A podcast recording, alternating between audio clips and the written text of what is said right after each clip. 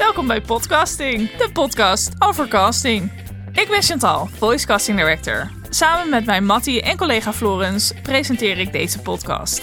Hij kent beide kanten van de medaille. Hij is stemacteur, presentator en zanger. Dus hij wordt gecast en hij cast zelf. Yes, in deze podcast gaan we in gesprek met mensen uit de branche over castings in commercials, televisie en theater. Van acteur tot producent en van maker tot agent. Maar wat maakt nou een geslaagde casting? Hoe kom je bovenop de stapel en ook wat vooral niet te doen? Je hoort het in Podcasting, de podcast over casting. Vandaag met Natasha Loturko. en Oren Schrijver.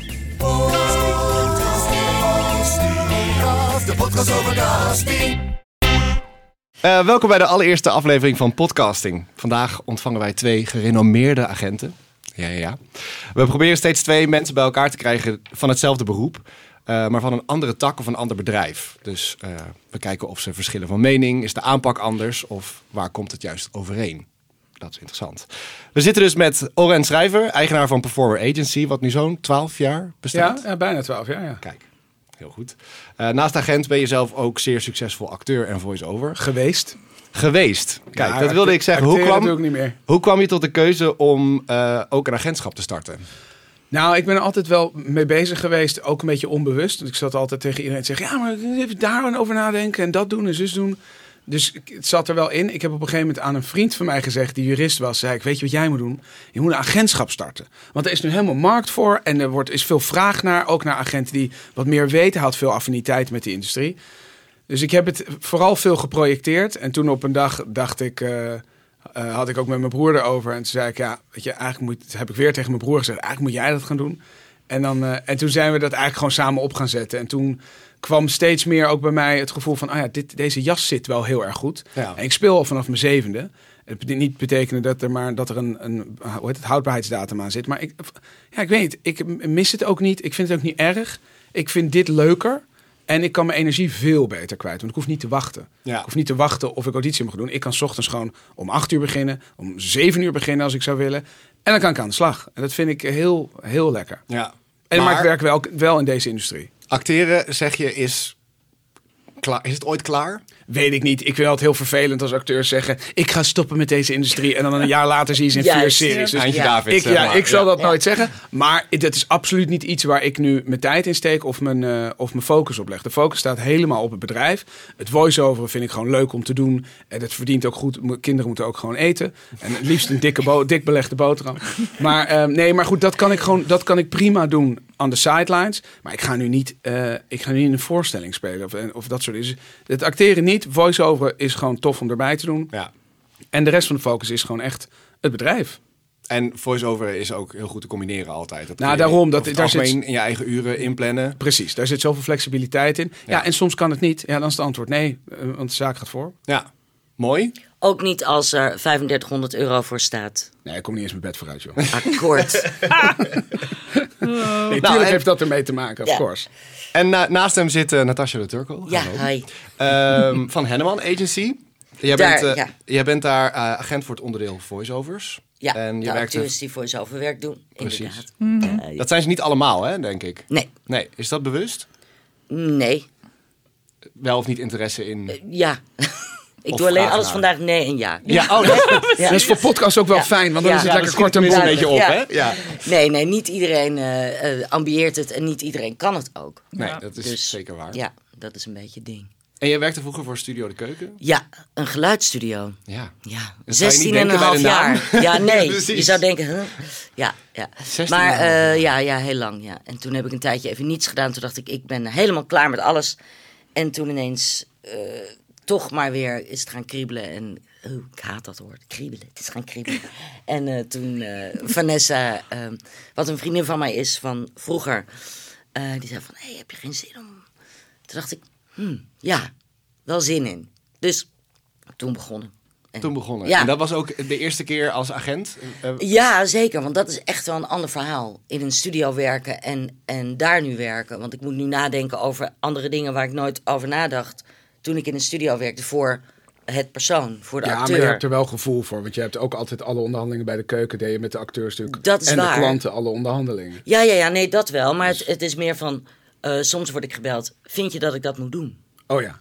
Weet Ja, je wel, ja, dat, dat ik denk, Oh, ja. ja. want en... en Maar ja, moet jij dat nou weer zijn- overleggen met een van de agenten-agenten, om het zo nee, te noemen? Nee, dat hoeft niet. Nee. Nee, oké. Maar dan overleg ik met de acteur. Ja, En dan zeg ik, vertel ik mijn mening, eh, net zoals buyouts, twee jaar lang. Zeg ik, Ja. misschien is dat niet slim om te doen, want sta je volgend jaar niet meer achter het product. Of Ja. eh, weet ik veel iets. De, Ja. ja. Nou, dat was ook mijn vraag inderdaad. Ja, Eh, oh. je hebt daar ook gecast bij de keuken Ja. toen. En, Ja. en daarin, wat wij ook wel merken, eh, eh, zit al heel veel onderhandeling. ja. Ehm, wij krijgen die vraag ook wel eens: waarom zijn jullie niet ook agent? Of zijn jullie de agent van die en die stem? Nee, wij zijn het castingbureau. Eh, we doen heel veel handling en we doen heel veel onderhandeling. Ehm, maar waar zit dat verschil inderdaad? Waar, waar gaat het stukje agent verder dan dat het onderhandelen ging bij de keuken bijvoorbeeld? En dat is wat je nu eigenlijk aangeeft. ja. Ehm, er zit veel meer personen ook nog achter. Ja, en dit is volgens mij ook een gezonde eh, verdeling van het toneelstuk, zou ik maar zeggen. Ja. Dat je, iedereen moet, dat, moet een belang hebben, zodat die, zodat die uiteindelijk klopt. Ja. Als namelijk jullie ook agent zijn, is er nooit een goede discussie van waarom iets wel of niet moet doorgaan, of betaald moet worden, of wat voor prijs erop moet zitten. Terwijl als je met elkaar kan discussiëren, dan kan de agent kan het belang van de acteur naar voren brengen. Jullie hebben ook een belang voor het bedrijf, maar jullie hebben ook een belang naar de klant toe. Zeker. Ja. Je, als Coca-Cola ja. wil adverteren, dan moeten jullie ook zorgen dat Coca-Cola gewoon goede, op een of andere manier een goede stem krijgt voor de goede prijs. Dus- En de- ik vind het altijd wel gezond dat er gewoon twee of soms wel drie kanten zijn aan Ja. het verhaal. Dan kan iedereen pushen voor wat eh, hij of zij belangrijk vindt. Ja. ja, en, het en het castingproces wordt niet verstoord. Want ik kan niet iemand vertegenwoordigen en dan echt goed een castingselectie maken. Nee, want dan is er het- gaat toch in je Ja. hoofd zitten... oh, mijn cliënt, als in echt iemand die ik vertegenwoordig... weet ik van dat hij heel... eh, die moet ik toch even aan de bak, eh, bak zetten. Dus die zal ik dan sneller in een castingselectie doen. Dus ik ben heel blij Ja. dat we niet die pet ook nog op hebben. Dat is niet te doen. Ja, nou ja, ik krijg ook wel eens ehm, aanvragen uit Amerika Ja. eh, voor echt grote dingen. Mhm. Waar echt heel veel geld eh, mee verdiend kan worden. En dan heb ik wel dat ik denk, ja, weet je, dit is wel interessant. Maar dan denk ik na ook over acteurs die bij andere agentschappen zitten. Ja, En die benader ik dan en dan zeg ik, joh, eh, vind je het goed als ik dit en dat, want ik wil die voorstellen daarvoor. Ja. Omdat ik gewoon wil dat het een, hè, dat de juiste stem dan meestal, ja. ja, vinden ze dat allemaal oké, dus dat is geen probleem. Maar Ja. het is wel leuk om dat te doen, om, zo, als, om meer keus te hebben eigenlijk. Dat is oh natuurlijk zeker, ja. En dat heb ik nu natuurlijk, heb ik mijn eigen stal waar nou, geweldige acteurs bij zitten. ja. Maar ja, je wil natuurlijk altijd meer. Tenminste, ik, Ja, nee, dat Nou ja, je bent ook gewend om zeker. een vrij grote ik ben gewend te om werken. de wereld dus- te hebben eigenlijk. Ja, ja, dus dat is natuurlijk wel een eh, verschil. Ja. Maar hoe, want we hadden toevallig deze vraag. Ja, precies. Ik ben hem even in Ja. onze, in onze lijst. eh, we hebben een lijstje met vragen, met stellingen en ook wat eh, dilemma's. Wat, wat wel heel leuk is. Ehm, eh, en daar zitten inderdaad eh, tussen deze. Wat doe je als je een, als agent een aanvraag binnenkrijgt? Dus eigenlijk bijna meer een soort castingaanvraag. Ehm, eh, en je weet een stem die niet in jouw stal zit. Ehm, schuif je die naar voren, die persoon, omdat je denkt die is perfect voor deze klus? Of probeer je het binnen je eigen stal te houden? Ik moet het eerst overleggen met eh, het agentschap. Ja, Het Ik antwoord op deze niet vraag. zomaar... Ja. Wat? Ik overleg ik, kan hier geen, eh, ik kan hier geen antwoord op. Ik moet dit even overleggen met het Ik, agent. pardon, ja, ik roep een agentschap. hulplijn in. Ja. Sorry, sorry. Sorry, het is heel flauw. Oh lord, ja, nee, ja. Dat, Ja, dat is het, eh, interessant, want Nou, ja, ik heb waar, ligt, keer waar gedaan. ligt die grens? Toen ik in? Berlijn was op het filmfestival, Ja. kwam er, was er een, eh, een regisseur met een producent. En die zei, we zoeken een beetje Arabische jonge, jonge gast voor acteur. Toen zei ik, oh, want, en ik wist toen dat Bilal Wahib, die was voor de, het hele Piemelgate, zeg maar. Maar die wist ik dat die, die ging heel hard. En eh, die zat bij eh, een andere agency. Toen zei ik, nou, ik, ik heb niets wat daar nu aan voldoet. Maar deze jongen heeft veel. En toen heb ik geloof ik ook nog naar eh Fever gestuurd. En die had ook wat dat soort gasten. Dus ja, Ja, het zou ook raar zijn als je dat niet doet. Ik Dat- bedoel, Nee, maar het is anders je als je iemand in je eigen stal hebt, hebt geschikt die is. geschikt is. Maar je weet eigenlijk ook iemand die net zo geschikt of eigenlijk dat je denkt je moet eigenlijk gewoon die hebben. ja, maar ik denk dat Dan dat echt afhangt soort- van de situatie. Ja. Kijk, uiteindelijk ben je wel agent van jouw club. Ja. En heb je eh, eh, het probleem wat dan komt is van joh, er is een rol die moet gevuld worden. Ja. Dan kijk je naar je eigen club mensen en eh, misschien een kleine ring eromheen met mensen waar je mee werkt. Maar Ja. je- ik denk niet dat het je taak is. Maar goed, dat ligt misschien bij iedereen anders. Maar ik ben dan niet ook nog bezig Nee. om nog meer om me heen te kijken in een nog grotere kring. Wat wel gebeurt is dat als je zit te praten met iemand en je kan inderdaad niemand aanbieden, dan ga je, kan je inderdaad wel snel nog even verder kijken. Want we Ja. kennen elkaar, Ja. de agents kennen elkaar vrij goed. Dus je weet ook wel Ja. wie waar ongeveer zit. Maar nee, ik zou niet, eh, als ik zelf gewoon mensen heb die ik naar voren kan schuiven, dan ga ik dat doen. En dan ga ik daarna niet nog één, één cirkel verder eh, Nee. kijken. Ik ook niet. Nee. Dan weten jullie dat. Nee, maar hè, wat ik zeg, ik bedoel, als er een grote klus is en dat ik denk van, oh, dat, vind- ik wil die eigenlijk ook voorstellen, want Ja. die vertegenwoordig ik niet. Maar ik vind dat ook wel wat voor diegene, dan doe ik dat wel. Ja. Dus. Maar goed, in beeld is weer een heel ander verhaal natuurlijk. Ja, eens. Toch? Ja. waarom, waarom is dat anders? Nou ja, eh, omdat eh, in beeld, eh, impact is gewoon groter. ja, ja. Ja, maar dat is voor het, voor het castingverhaal niet anders, toch? Het is, het is toch meer of je gewoon iemand uit je stal voorstelt. En die andere persoon, dat staat toch los van of het een, voor een stemmenklus is of voor een beeldklus? Of begrijp ik je niet goed? Ehm, nou ja, nee, het, het is, ja, god. Nou, weet ik niet hoor. Want ik denk dat beeldklussen zijn over het algemeen, algemeen wel wat grotere klussen. Vaak is een Tuurlijk, stemmenklus... veel meer, meer bijhoud, keer- meer impact. Dat snap Ja, ik wel. ja. Ja. Maar Dus da- dat is er dan, eh, ja, toch anders. Ik, ja. Maar misschien is het wel makkelijker delen om een stemmenklus wat breder... Oh, dat we net keken. Sorry, ik tegen bijna om. Eh, dat we wat breder kijken ja, dan dat je een serie met eh 55 draaidagen hebt. Eh, is dan denk je misschien wat minder snel daaraan. Maar goed, wij zijn er sowieso inderdaad allebei hetzelfde in. Dat ja, als je iemand vooruit kan schuiven, dan schuif je die vooruit. Nee, en kijk je niet naar de volgende cirkel. ja. Nee. Ja. En hoe vaak komt het voor dat jullie op die manier een, een casting briefing eigenlijk bij, als agentschap binnenkrijgen? Of komt het toch het meeste voor dat een castingbureau gericht belt als van... Van, hé, hey, we hebben die en die voorgesteld. Ja. Of mogen we die en die voorstellen voor deze klus? Nou, ik denk klus. met stem is het sowieso anders. Ik weet eh, van eh Henneman dat ze ook kijken altijd, want ze willen het beste resultaat. Mhm. Als er iets binnenkomt voor in beeld, wat, wat ik dus, ik ben niet van de in beeld club, Nee, nee. maar ik weet wel dat zij ook bij andere eh, me- mensen voorstellen. Dan, dat Ja. weet Goed. ik dat dat wel gebeurt. Ja. Dat doe jij ook, toch? Nee, als, je iets, als het iets zinnigs komt wel. Ja. Maar ik zal, ik zal wel altijd... Mijn, Tuurlijk. mijn loyaliteit ligt wel gewoon bij mijn eigen club. Want Ja, anders ga ik te tuurlijk. veel eh, zitten. Maar het, is, het zijn wel vaak bijvoorbeeld voor de kleinere rollen... als ze dingen willen invullen, twee, drie, vier dagen... dan wordt er wel eens gebeld van, kan die? En dan heel vaak is degene die ze willen, die kan niet. Ja. En dan proberen we te kijken, joh, wie is nog leuk? Ja, we moeten een beetje zo'n soort persoon. En dat is vaak het moment dat je zegt... ja, maar die en die kunnen allemaal niet. Be- Bel Ja. even Henneman of bel even Ja. die of die. Ja. Eh, want die hebben die en die. En die is denk ik ook wel heel leuk ervoor. Maar met stem is dat dus ook, eh, ik krijg ook wel dingen.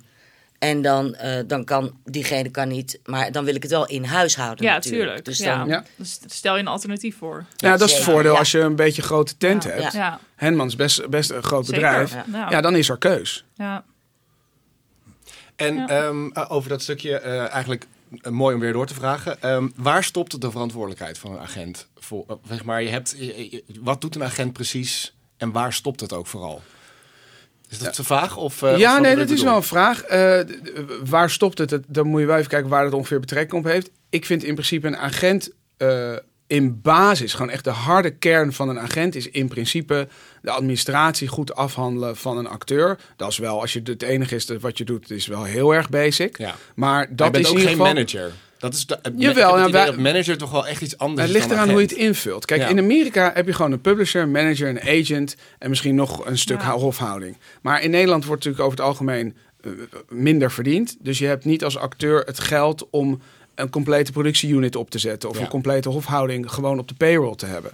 Weet je, wat de meeste van die acteurs in Amerika hebben gewoon een bedrijf. En dat bedrijf is gewoon een productiemaatschappij die participeert. Daar zit, iedereen wordt daardoor uitbetaald. Dat kan gewoon in Nederland niet. Misschien een paar lucky few, maar niet allemaal. Ja. Dus we zijn nou eenmaal, eh, bij Henneman is het geloof ik weer wat meer verdeeld, maar dat moet jij maar uitleggen. Maar publishing, dus het eh, PR-deel, het agenda-deel en de juridische deel, de contracten. Dat, als dat niet in orde is, dan ben je eigenlijk nog geen agent in mijn Nee. ogen. Ik bedoel, dat is wel echt de, de. Als je administratie niet op orde is, dat moet eerst. Daarnaast vinden wij het leuk, maar dat is echt onze kapstok, om met mensen dingen te, te kunnen ontwikkelen. Dus we vragen ook altijd van, nou, iemand zit in een serie, superleuk. Wat nog meer? Wat wil je nog meer doen? Wil je een podcast eh, maken of wil je zelf schrijven of wil je whatever. Alles wat mensen willen, daar vinden we het leuk om in mee te denken. Maar dat vinden wij leuk. Ja. Dus daarom stoppen wij daar tijd in om Ja. dat te faciliteren, ons netwerk daar ook in te verbreden. Er zijn ook andere agentschappen die zitten heel erg op buitenland.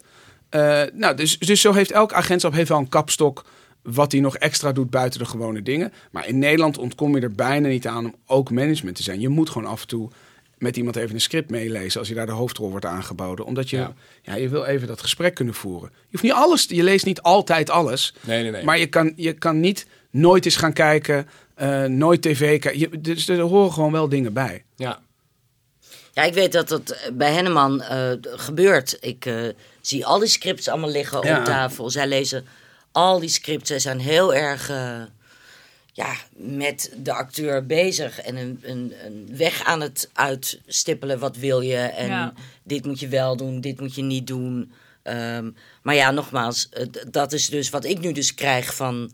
eh, als het over stem gaat, dat acteurs vragen... Zal ik, vind je dat ik dat moet doen? Ja, En eh, soms denk ik al van, oeh, ik denk het niet, maar ik moet het toch vragen. Ja. Dan vraag ik het. En dan, meestal zit ik goed. Ja. Dus dat is wel fijn. Maar eh, ja, precies. ja, maar ja, soms is het ook van, ook wel dingen die gewoon echt veel betalen. En dat een acteur zegt van, nou nee. Ja. En er zijn ook mensen die niet eh, voor supermarkten in willen spreken. Die niet, ja. Ja. ja.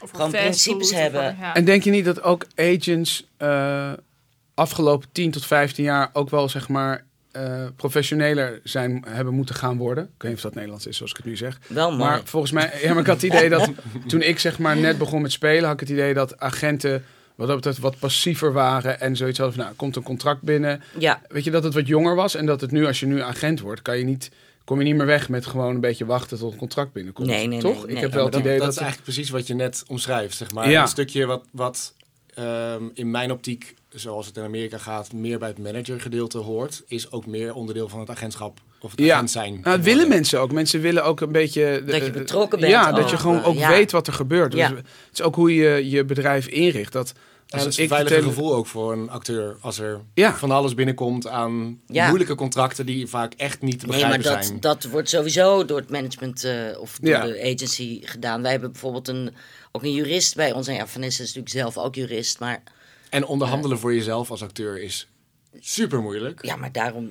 Nee, het is ook gewoon lekker om je tussenpersoon ook- te ja, hebben. Het praat ook heerlijk. makkelijker. Ja. En er zijn ook gewoon producenten die het gewoon relaxed vinden om met een agent te praten. Want je kan gewoon met iets grovere halen kan je gewoon tot de kern komen. Kijk, als Ja. je met een creatief zit, je kan niet tegen creatief zeggen, ja sorry, maar ik vind, eh, ik ga jou gewoon geen 900 piek betalen. Vind ik je gewoon niet waard. Ja. Dat is lastig om tegen Ja. creatief Ja, te zeggen. ja, ja. Terwijl tegen een agent kun je zeggen, ja, joh, ik heb dat gewoon niet voor die rol, want ik vind dat het gewoon niet waard. Nou, en dan ga je en dan Ja. begint die onderhandeling en dan zeg je als agent, ja, oké, maar dan moet je misschien iemand anders nemen of eh, wat kunnen we wel doen, weet ik veel. Dan gaat die onderhandeling En beginnen. van een acteursperspectief is het weer juist heel moeilijk om te zeggen... je voelt dat je, klus, dat je je klus kwijt gaat raken... als Ja. je eh, te hard aan het onderhandelen bent voor jezelf. Ja, Wat ook weer een hele moeilijke is inderdaad. ja, maar ja, dat zit hem ook gewoon in goede communicatie. Ik bedoel, eh, je kan als agent een beetje gelopen schreeuwen door de telefoon. Maar ja, volgens mij is die tijd wel echt voorbij.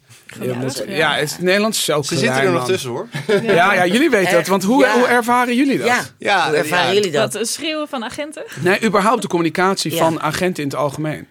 Eh, ja, het verschilt heel erg per agent. La, ik, laat ik het zo zeggen. Ik, wat ik enorm in agenten waardeer is als ze snel reageren. Je hoeft niet gelijk het antwoord te hebben, maar het. eh, ik heb je mail gezien, ik ga ermee aan de slag mail. En of dat nou oké, you of, of wel een volledige, of wel een, eh, volledige volzin. Dankjewel Chantal, ik ga ermee aan de slag. Dat hoeft allemaal niet, maar dat het acknowledgen van de mail. Ja. Ehm, ja, en als ik heel eerlijk ben, wel binnen een werkdag wel een antwoord. Of van, sorry, ik kan mijn acteur niet bereiken. Ik ga het je morgenochtend laten weten. Nou ja, en je merkt ook eh, ga- snel genoeg, en dat is eh, helemaal niet per se erg, maar wanneer een agent eh, ehm, wel of niet kennis van zaken Oh, heeft. Want dat ja. zit er ook gewoon tussen. En dan is de voice-over branche misschien een branche die niet voor elke agent al even bekend is. Ehm, maar daarin merk je wel dat er ook gewoon heel veel eh, eh, uit de duim gezogen wordt bij, eh, bij, eh, bij. En hoe pak je dat dan aan als casting director? Want daar komt dus weer waar we het aan het begin over hadden. Het is natuurlijk lastig dat je dan... Kan je dan adviseren een agent? Of hou je je daar juist dan weer heel ver van? Want hoe, dat is lijkt me best een moeilijke positie om in te zitten. Wij adviseren zeker wel. Ja. Ja, Nou, we, eigenlijk, ja, Opvoeden misschien ook. opvoeden. Ja, Ja. Ik, wil, ik, wil gewoon, ja. ik wil gewoon eerst dat zij, uh, dat zij, als wij een prijslijst vragen, dat ze eerst iets invullen. Want dan weet ik waar, waar, waarmee we te dealen hebben. Want aan, het, an- aan, de, aan de ingevulde prijslijst kan ik zien dat je weet waar je het over hebt. Ja. ja. Of niet. Ja. Of dat je gewoon in een andere markt opereert. Want als, je, als het een agentschap is met veel influencers en er staat inspreekfee 5000 euro, dan denk ik, is of bij wijze van Ja, wil ik graag. Super relaxed. Maar dat je denkt, maar, maar dan moet ik dus bij, dan moeten bijna vaak namen gaan noemen van, yo, maar eh, deze, deze acteur, toneelgroep Amsterdam, beste, beste van Nederland, krijgt het niet eens. Laten we even, wij opereren in andere markten. Dit is wat gangbaar is. Ik snap dat. Nou ja, goed. Krijg je dan wel de deal gemaakt? Stapt iemand dan heel snel ervan af? Of blijven ze gewoon Vaak. hangen op zo'n... Nou, Vaak vaak, niet. bedrag. Nee, Nee, maar dat komt ja, ook omdat zeker bij influencers nu, zij doen een post en krijgen daar 10.000 euro voor, Ja. 25.000 euro Waarom zou je voor. dan Dus waarom gaan ze... in de studio? Ja. Maar goed, wij krijgen wel een aanvraag voor bijvoorbeeld die specifieke persoon of in die richting of een influencer bijvoorbeeld. Nou, dat even. En als we dan manage je heel die specifiek- verwachtingen dan bij de klant? Als je zegt, joh, luister, prima als je deze hebt, maar dit, weet wat je om je oren krijgt. Ja, en Ja. dan kunnen we ook zeggen, eh, eh, we gaan dit uitzetten, maar denk ook eens over deze en deze, deze Ja, ja, stem. precies, want ja. die zitten wat meer in de eh fees waar jullie aan denken. In die regionen waarin we kunnen, kunnen opereren met elkaar, zeg maar. ja, ja. Ja. ja, ja, ja. En vaak vragen die agenten ook om dingen die de klant of het bureau niet heeft van tevoren. Waar wordt het uitgezonden? Hoe vaak wordt het uitgezonden? Wat is het Heb je, uitzendschema? heb je het Ja. uitzendschema? Heb je, wat is het bereik? Wat is de doelgroep? Dat je denkt, maar joh, dat weten we helemaal niet. Daar kunnen we misschien naar de hand achter komen. Ja, maar, dat is natuurlijk... Oh, sorry. Ja, Nou ja, het, het is soms wel eh, belangrijk eh, om te weten. ik Want, snap heel eh, goed dat ze dat willen weten. Alleen als, als dan het antwoord, die informatie is niet beschikbaar. Nee, dan, dan- Krijg, dan stokt die communicatie. Want zij kunnen dan schijnbaar niet meer begroten. Of dan stopt heel vaak gewoon alle Oh, mogelijkheden. Maar ik vind, want zij dat, ik er vind niks... dat wel ook een lastig hoor. In de, deze tijd waar alles draait om zeg maar data-driven eh, Ja. eh, marketing en al dat soort dingen, is het natuurlijk ook echt wel vreemd dat dat, dat, dat, dat niet gewoon openbaar is voor Ja. in ieder geval het, de, de, de, de professionele kringen. Ja. Dat je gewoon kan Ja. zien, joh, we gaan een gekhuis veel uitzenden. Ja. Dus Ja. die buy-out mag best wat hoger. Ja. En andersom telt hij dan ook. Dus Ja. als ze zeggen, joh, Ja. we gaan echt in de laagste flight circulatie zitten. Eh, dan kan je ook nog eens wel wat een stapje terug doen. Want nu is dat altijd een discussie.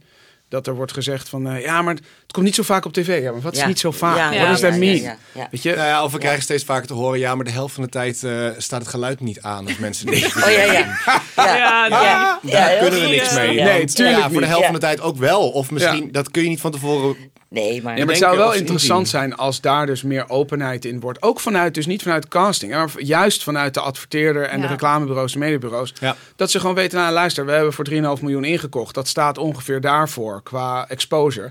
Dan kun je al een veel gezondere formule maken. Ja. Dan heb je ook een normale gesprek met eh whoever de onderhandeling voert. Ja. Omdat je zegt van ja, er zit zoveel poen in. Er zit, deze is de formule, dus komt dit uit. Ja. Maar ja, Ja, dat is ja. waarschijnlijk nog veel ver weg. Ja. Dan moet, dan, dan moet er pas buy-out worden afgetikt na de flights. Ja, nou dat zou op zich ook niet dus raar zijn. pas inderdaad een jaar later krijg Ja, je de buy-out. ik- Want dan heb je de cijfers pas. Ik zit nu met eh, twee partijen, twee reclamebureaus die dus foto's hebben gebruikt die ze niet mogen gebruiken, way na de buy-out. Ik Oh. krijg het gewoon. Ik heb al met de advocaat gesproken. Ik zeg, wat kunnen we doen? Ze zei, ja, je moet nog heel even door gaan proberen, want als ik erbij kom, wordt het meteen duur. Ja. Dus ze zegt, eh, als je echt nergens anders mee heen kan, dan moet je weer even bellen. Maar het is niet normaal om gewoon, dus gewoon Ja, een buy-out te regelen. En dan vind ik het irritant dat ik dus... Dan heb je eigenlijk als agent geen stok om mee te slaan. Je hebt geen Nee. boeteclausule die je kan aanpakken. Maar als het andersom was geweest... Als, als de creatief iets had gedaan buiten buy-out... ah, dan was het huis te klein geweest. Dat vind ik dat is wel een kleine frustratie die ik heb. Ja, nou, dat, dat begrijp ik, ja. ja. Ja. Ja, het is, het is dus die transparantie is niet groot genoeg. Er wordt ook te weinig hun best gedaan om dan naar een creatief of een acteur toe te gaan en zeggen: joh, we hebben deze foto nog een jaar gebruikt, dit is de buy-out. Ja. Jullie, en dat is echt een compliment aan jullie. Bij jullie is dat echt nooit een probleem. Dus kennelijk hebben jullie het systeem zo op orde dat er komt gewoon een, er komt gewoon een mail binnen. Ja, je Ja. mag een nieuwe buy-out. eh, ja. Weet je, Ja, dat is klopt, dat, en Nou dat ja, is, dat niet een eh, altijd door hoor. En dat Nee, is ook maar bedoel- Soms, soms worden we ook geattendeerd en soms zie je toevallig iets. Ik kwam pas Ja. toevallig een edit online tegen waarvan ik dacht, die is volgens mij verlopen. En toen Ja. bleek dat die voor specifiek internet gewoon niet afgekocht was. Nee. Ja. Ja. daar moet je dan achteraan. Ja, maar het En feit dat, je dus niet- dat dan dus daar actie op onderneemt, Ja. dat maakt het voor ook een agent die weet gewoon als dat jullie hoek komt, ja. dan zit daar dus veel meer vertrouwen. Nou, Terwijl als dat reclamebureau mij ooit nog belt, ja, dan is er echt geen vertrouwen. Ja. Dus dan gaat alles op papier. Ja. Nou, daar worden mensen echt niet blij van. Een hoop vakjargon ook ondertussen. Oh, sorry. Dat mensen, dat mensen het een beetje kunnen volgen die toevallig luisteren en dit heel leuk vinden, maar niet heel veel kennis hiervan hebben. Ehm, we hebben een ehm, stelling. Je hebt een agent nodig om vaker gecast te worden of meer werk te krijgen. Wat is jullie mening daarover? Gewoon een stelling, hè? Nou ja, ik denk, want ik, ik ga dus over de, de stemmen hier. Eh, ik hoor wel eh, veel meer dingen om me heen. En ik heb contact met allerlei dingen. En ja, omdat ik nu bij een agentschap werk, is het natuurlijk ook zo van, nou ja, je hoort dingen. Die regisseur gaat dat regisseren. Oh, misschien is daar een stem voor nodig. Of, hè, dus dat is handig. Ja. Maar kijk, het, het is altijd zo als je het niet kan.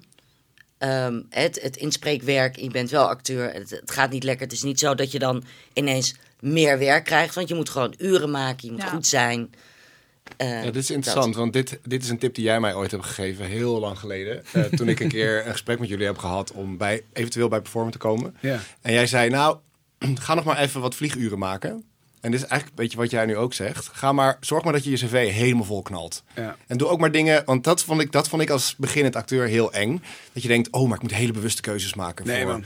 In het eh, welke niet. voorstelling en past dit bij mij? En nee, ga maar gewoon doen. Ga maar tien keer op je bek ook. Ja. En dat is voor mij echt een heel belangrijk punt. Wil ik Oh, fijn. Ja, goed. in, Leuk. mijn, in mijn carrière geweest. Door gewoon te denken, nee, ik neem het aan. En soms denk je, oh man, wat doe ik hier? Ik heb spijt. Maar dat Ja, weet je ja, dan ook ja. weer. En daar Ja. maak je je Ja, vervolgkeuzes je moet ook gewoon een keer uit. in de regen en de vrieskou op de set hebben gestaan voor een of andere zeik gastrolletje van één dag. Dat je denkt, fuck, dat moet Ja. ik gewoon niet Ja. meer doen. Ja. Want dan zit die goed Ja. in je. Dan kan je die beslissing ook echt maken. Ja. En daarmee kan je agent later dus ook veel beter managen. Ja, En Dat helpt ook. ja. Nee, en op die stelling, i- i- Ja. ik denk dat je dat, wat Natasja zegt, is heel erg waar. Maar ik denk dat het wel helpt voor je zichtbaarheid. Ja. Maar dat gaat inderdaad Ja. wel altijd. Nee, en zeker bij, ook bij een Henneman. Het zijn, Onze websites worden gewoon wel natuurlijk veel bezocht door de bedrijven die, die werk hebben. ja. Maar dat werkt ook echt alleen maar. En dan is dus wat Natasja zei. Ja, als je ook wel echt wat kan en er zelf ook genoeg aan doet. Het is wel echt een combinatie. 1 plus 1 is echt 3. ja. Anders, an- het een kan niet zonder het ander. Dus dat is wel belangrijk. Maar het zal wel, als je goed zit in potentie, dan helpt het natuurlijk wel een beetje. Ja, dat wel. Maar het is niet. Het helpt een beetje. Ja, maar Want niet hebben jullie ook eh, meegemaakt dat er acteurs zijn die op een gegeven moment het idee hebben... Nou, ik heb nu een agent, ik ga achteruit leunen. Nou, die proberen we gewoon buiten de deur te Ja, houden. ze binnenkomen. Nee hoor. Ja. Daar kom je snel genoeg in. achter en dan is het Ja, ook wel... en het eh, is ook, dan als je, een, als je een actief bedrijf hebt en je spreekt iemand een tijdje niet, of er gebeurt geen zak, of je geeft iemand wat dingen op om te ontwikkelen, of weet ik wat. Elke agent heeft altijd een aantal projecten lopen. Ja, en er gebeurt niks. Dan zit je op een gegeven moment met elkaar op vergadering en dan lopen we iedereen door. En dan wordt op een gegeven moment gezegd in week 1, ja, wat, moeten, wat gaan we met diegene doen? Superleuk mens, hè? maar wat, wat, want er gebeurt niks. Ja. Nou, dan heb je een keer een gesprek met elkaar. En dan kan het zijn dat je na een aantal maanden, dat dat op de vergadering steeds terugkomt en er gebeurt, dat je zegt, joh, volgens mij eh, hebben we nu, weet je wel, we kunnen best wat voor je doen als er wat is. Maar echt zo de actieve positie op de website en dat soort Ja. dingen. Wij noemen dat bij ons op de muur. Op de muur. Eh, slaat een beetje nergens op. Nou, en eigenlijk 9 van de 10 keer is dat een prima gesprek. Het is nooit leuk, want het voelt een beetje als uitmaken. Maar het hoort er ook een beetje bij. Want als je dat nooit doet, krijg je een veel te vol agency. En dan kan je niet, je service level gaat ervan omlaag. Ja. Mag ik even... Ik, sorry, ik moet opeens denken aan dat er... Ik vind het eigenlijk schrikbarend dat op heel veel sites van agenten... er heel veel verouderde informatie nog staat van hun mensen. Qua biografie. Qua biografie of eh, recente projecten. Ja, in, eh, de, in zomer 2011. 2018 ja. of Ja, ja, ja. 2011. Ja, ja. En dan denk je, ja, dus hoe belangrijk is dan zo'n plek op de site? Dat zat dan alleen... Nou, nu eh, praat je over lang- informatie. Dat is eigenlijk al tweede laag. In principe Ja. gaat het echt om mensen vinden het fijn om een foto op een site te hebben. Want Ja, dan horen ze zeker, erbij. ja. Tuurlijk. Maar je hebt gelijk.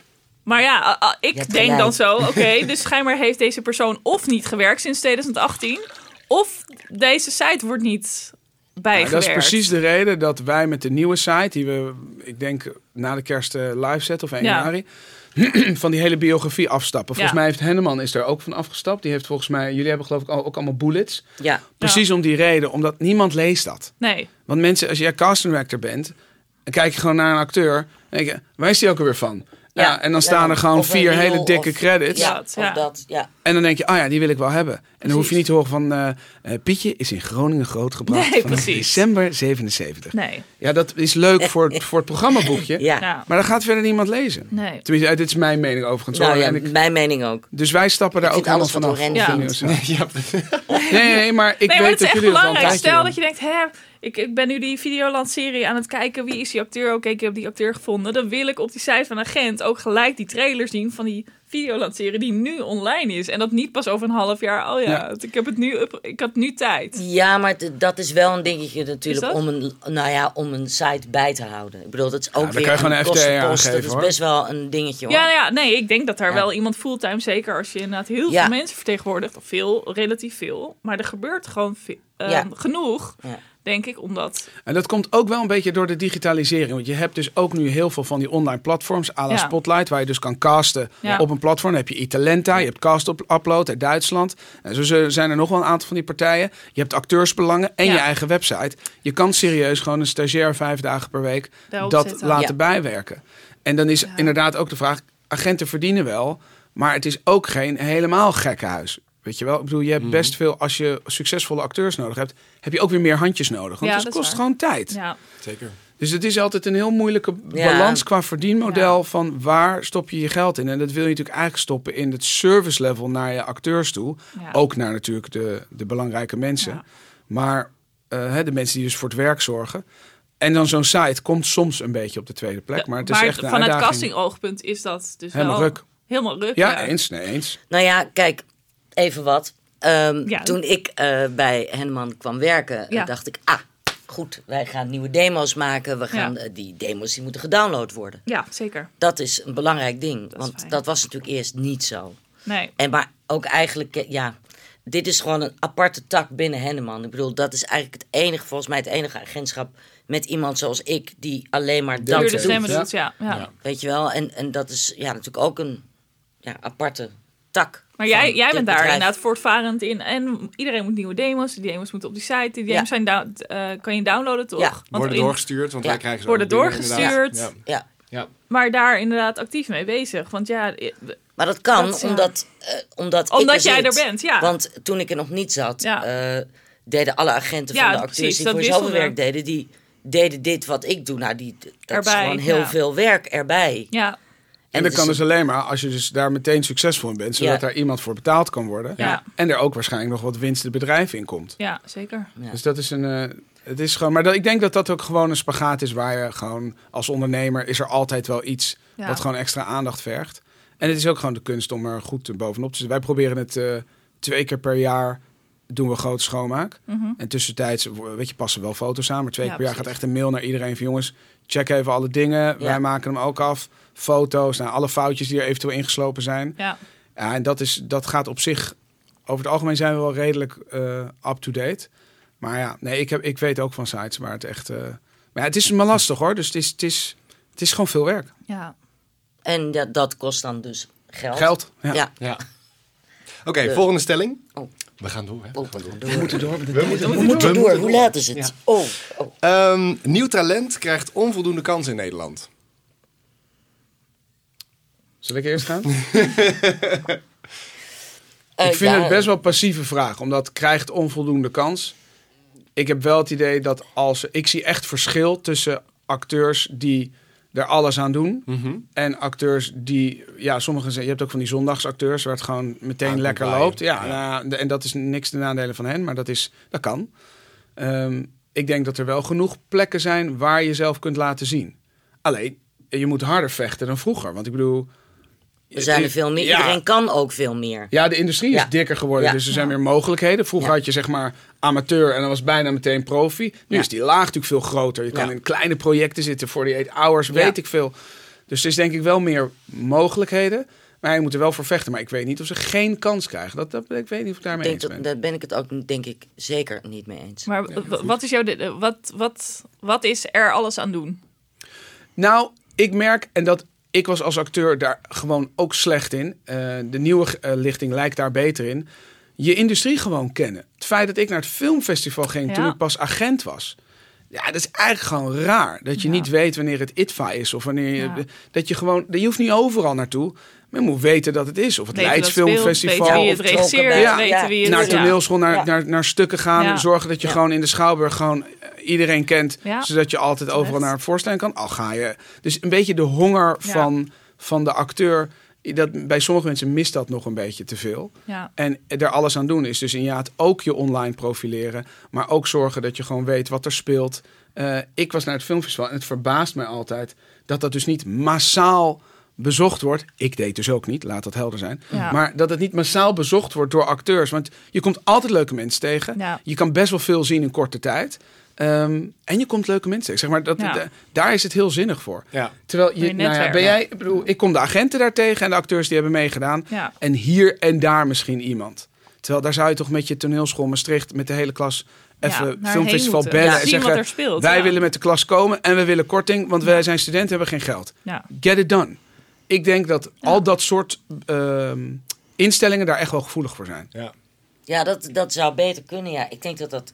Moet je dat niet, moet je dat niet iets mee? Moet Ja, jij dat serieus, ik vind dat echt- Ja, Nee, maar waarom zou je niet tegen toneelscholen zeggen: luister, Ja. jullie willen komen, ik krijg allemaal paspartout pas. Ja. Je moet Ja. wel allemaal 20 piek betalen, maar de school moet dat gewoon voor jullie betalen. Ja. En eh, al, al draaien ze een bardienst ergens, weet ik ja, veel. whatever. Ja. Ja. Maar dan, en dan mogen ze gewoon lekker alles kijken. Dus voor je festival namelijk ook leuker. Want er loopt dus al dat jonge gut loopt er rond. Die het cool vinden om met allemaal mensen te praten. En doe je nog een leuke Q&A. Maar ja, dat soort dingen. Ik heb daar geen tijd voor om dat Nee, te regelen. Maar dat zou ik wel Maar willen. jij Ja. zit altijd Ja. vol met plannen. En dat is wel heel erg leuk. Ja. als ik, jou. geen, als ik zeg maar mijn geld verdiend zou hebben, dus als ik het Ja. allemaal niet meer zou uitmaken, zou ik me serieus daarmee bezighouden. We hebben ook met de Nederlandse Agentenassociatie, een soort, eh, een soort collectief van agentschappen, Mhm. hebben we ook altijd plannen. Ik zou het, hem, ik zou het superleuk vinden om daar gewoon echt vier dagen per week gewoon in te stoppen. Maar ik kan nu nog niet. Nee, precies. Dus ik doe het nu een beetje tussen de bedrijven door. Ja. Je, je laat het af en toe even vallen, zoals hier. Ga iets Nee. doen, jongens. Ja. Nee, ja, maar dat is Ja. inderdaad ook iets wat ik heel erg merk bij opleidingen. Eh, je krijgt heel weinig ondernemerschap mee vanuit opleidingen over het algemeen. En ik weet het eh first hand van mijn eigen opleiding. Ik kom van de Frank Sanders Academie. Oh ja. Eh, we kregen een klein stukje ondernemen. En dat gaat een klein beetje over... oké, wat staat je te wachten als je een eigen bedrijf moet starten? Ehm, eh, eh, waar schrijf je overal in? Maar dat is het ook wel een Dat is beetje. pas van de laatste jaren volgens mij. Dat is conservatorium bijvoorbeeld ook zo. En ik merkte die- heel erg in, in Ja. de mensen om mij heen eh, eh, en mijn klasgenoten en dergelijke. Ik was heel erg, eh, ik ging gewoon hele dagen achter mijn laptop op zoek naar, oké, welke castingbureaus zijn er? Ik wil heel graag stemmenwerk doen. Daar wil ik me op gaan storten. Wie kan ik aangrijpen die mij daarbij kan helpen? Ja. Ehm, waar Ja. kan ik allemaal Maar jij profileert je ook. Je bent Ja. super zichtbaar. Dat helpt enorm. Nou ja, dat, dat heb ik opgebouwd, maar dat is me niet aangeleerd. En er zijn Ja. heel veel mensen die dus dat eh, hele creatieve in zich hebben en de mooiste dingen kunnen spelen of maken of iets dergelijks, maar vervolgens nergens komen omdat ze zichzelf niet in de markt kunnen zetten. Maar dat Ehm, is ook lastig. Maar daarom is het wel goed dat dat nu... Daar wordt ook les in gegeven, toch? Tenminste, ik weet, op het conservatorium wordt daar aandacht aan besteed. Hoe In ondernemerschap? je- Of in... Eh, ja, Nou, volgens is mij meer wel. zelfmarketing Ja, eigenlijk. ja, Ja. zelfmarketing. Maar dat is... Ja, nou ja, kijk, ik heb, de, toen wij de Tone of Voice Academy deden en dat lanceerden met HO, Ja. we allemaal posters laten drukken. Die hebben we toen het hele land doorgestuurd naar alle opleidingen, mbo, hbo, toneelschool, muziektheateropleiding, musicalopleidingen. Eén van die scholen heeft gereageerd. Want Ja. wij wilden gewoon, joh, zullen wij even eh, een lesje komen geven? Dan komen we gewoon naar jullie toe, kost niks, vinden we leuk. Dat de studenten weten dat het bestaat. Eén school Ja, ongelooflijk is dat. Ja, dat het kan ik ook staat niet gewoon begrijpen. niet op het lesprogramma, dus het is... En toen begreep ik later, en ik heb het al een keer eerder in een podcast gezet, maar ik vind het zo schokkend dat ik het nog een keer ga zeggen. Ze krijgen wel les in het invullen van de WW. Of van de aanvraag van de WW. Maar laten we vooral niet vertellen dat ze zichzelf kunnen bedruipen door, door stemacteren, wat gewoon onderdeel van het vak is. Ja, Door Oh ze ja, te laten ja. kennismaken daarmee. Ik, waanzinnig. ik vind het echt... Nou ja, en dit zijn een van die dingen waar. eh, eh, dat was geen goede zin. Maar eh, dit, dit is een van die dingen waarvan ik denk, eh, ik ben er helemaal niet de beste in of ik heb er niet de kennis van. Maar ik zou bijvoorbeeld bij mijn opleiding best een keer een, eh, een middag aan die klassen wat willen uitleggen over waar moet je allemaal op letten en waar moet je over nadenken. En als je een eigen bedrijf start, eh, zorg dat je je administratie op orde hebt. Want het is, mensen vallen erover, mensen komen met boetes te zitten eh, omdat ze hun omzetbelasting niet op tijd hebben gedaan, want ze weten niet dat dat moet. Ja, Eh, als ZZP'er is, is je inkomstenbelasting zoveel moeilijker. Eh, daar kun je allemaal mensen voor inhuren. Maar er zijn, weet je, er zijn allerlei mogelijkheden. Maar het curriculum moet denk ik gewoon op de schop. Want ik denk dat het, he- het is natuurlijk supergoed. Er worden hele kundige mensen afgeleverd als het gaat over de artistieke uitingen. Maar helaas, het is gewoon heel ruk. Maar er hoort gewoon een stuk ondernemerschap bij. Ja. Ehm, en marketing. En vaak zijn ze social, social media-wise al wel heel sterk. Want dat hebben ze gewoon vanaf jongs af aan al meegekregen. Ja, Eh, en dat is ook een hele grote nieuwe markt om jezelf eh, in de picture te spelen. Maar tegelijkertijd, ja. Ja, maar dat gaat ook natuurlijk veranderen, want het eh, vrijblijvende gaat heel erg af. Dus je krijgt nu ook van, het is nu niet meer zo. En in het begin was het zo, als je er gewoon maar was, Ja. al, al zet je je drol online, dan was je gewoon, dan werd je gewoon geliked.